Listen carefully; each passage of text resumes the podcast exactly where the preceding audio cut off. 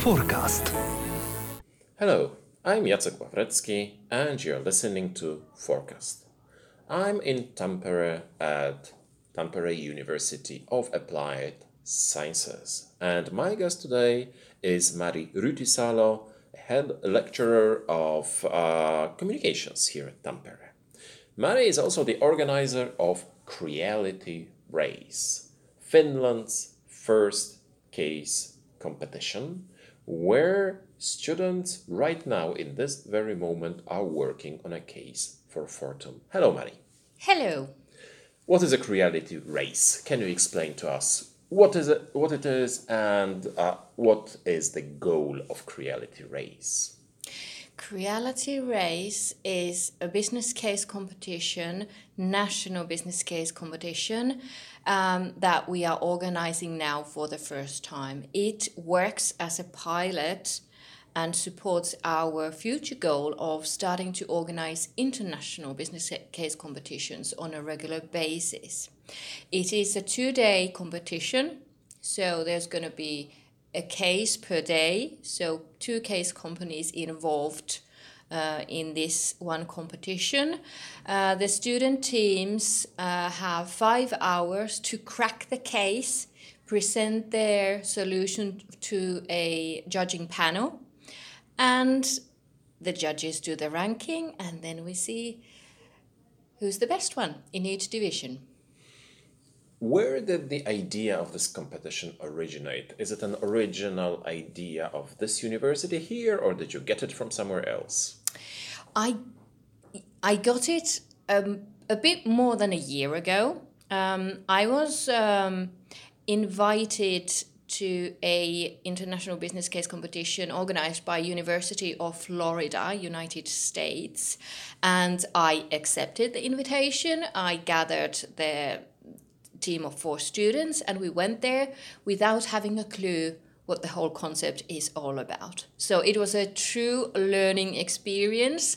Um, and I got really inspired and motivated of the whole concept. And I started to wonder why do not we have this in Finland, in in Finnish higher education institution? Is it really so that you didn't have it in Finland? Come on, you have the world's best education system here in Finland. And you didn't have such a simple idea as getting the students together and making them solve a case for the business? Well, when you put it like that, yes, we do have that. we do have different innovation uh, competitions. For example, TAMK also organizes a big one week uh, competition called Inno Event. But compared to that one, the difference is that it's multidisciplinary. The teams are formed in the beginning of the week and they have five days' time to, to solve different cases. So what's what is the main focus in this competition that is that these teams include only business students so that already gives the different kind of angle and different expectation of the outcome. Also, um, the teams are formed in advance and they have been training before the competition. So um, they know each other, they don't have to work with team dynamics, different roles, and things like that. They can completely concentrate on the case. So these are kind of two characteristics of our competition that are that are not so familiar in Finnish competition culture. Who could apply to take part in this competition? Was it any university or were there any pre selection activities at universities? How did these teams got here? Um, majority of the teams that are here uh, know different levels of what business case solving is about and what kind of a coaching and pedagogy is needed and and um, part of the training. Um, but like I said, the, the level of knowledge differs. So in that sense, um, marketing and selling the idea of the competition has been a big job. Letting people know what this competition is about and, and in addition to that, also making inspiration, creating inspiration, getting excited about the concept. So it's been a big job. Um, and um, to answer your question, we did send an open uh, invitation to the business schools, fact- faculties that we were aware of, uh, maybe had some contacts, some cooperation from earlier years. So, uh, based on that, the teams are here. I see. And you managed to get teams from nine Finnish universities. Is it a lot or or not nine? Nine teams, but there are, um, I can say, five separate degree programs in different, you know, universities. Okay, and how many university, universities are there in Finland at all? You don't know. I really don't know. okay. No, I was just trying to figure out whether it's a big number or a small number, but I don't know. It is, well, nine is relatively small. Yeah, since we do have in our educational system, we do have the universities, but also very strong University of Applied Sciences. See. And that's not in every country. Hmm. And what are the teams working on right now at this very moment? Well, they are working on the Fortum case that we created. Maybe you can tell better of the content. They are working on an educational tool connected with circular economy. Yeah, that's uh, that's right. We cooperated uh, in preparation of this uh, case. We cooperated with TAMK, uh, and we developed a case where students are supposed to work on an educational tool. Their task is to create a tool that would serve to educate and to raise awareness about circular economy across Fortum locations.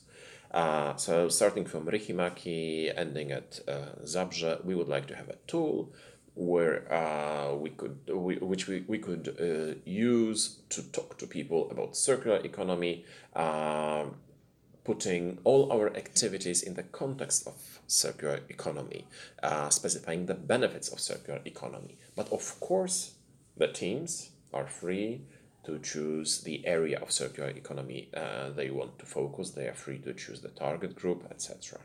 Uh, at this moment, they're working on it, uh, and we are thinking and we are hoping to uh, get uh, and we are hoping to get uh, their ideas late afternoon today.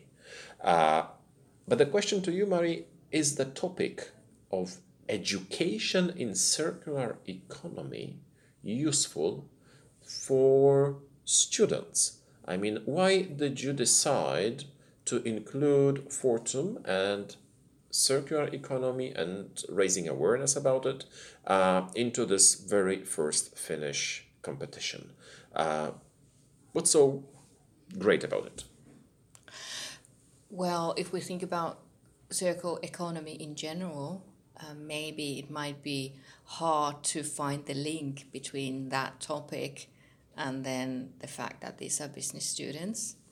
But then, on the other hand, um, I think it, it is a very um, multidimensional case that we have here. They need to create a, a product and when we are talking about producing something that supports also, hopefully, Fortum's, you know, goals, characteristics, values, things like that. So, I mean, business is clearly involved. And also, when we talk about production, we are starting to talk about money.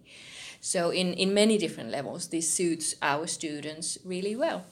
But in our my perception is that in our curriculum in business studies, circular economy is not that much included yet. And that's why I thought it was a very good idea to give the theme circular economy one month before the competition so that they could really research and study what is that all about. Since it is a quite a tricky concept, includes many different aspects. Yeah, it's really comprehensive. That's true. Uh, okay, Thank you very much for this interesting uh, conversation, and I hope that this concept of creality race will develop here and that maybe next year uh, we will be able to meet again at a different at the second edition of uh, of creality race thanks a lot Thank you so much, and it is such a pleasure to have you and Fortum here with us. thank you it's very nice of you bye bye Forecast.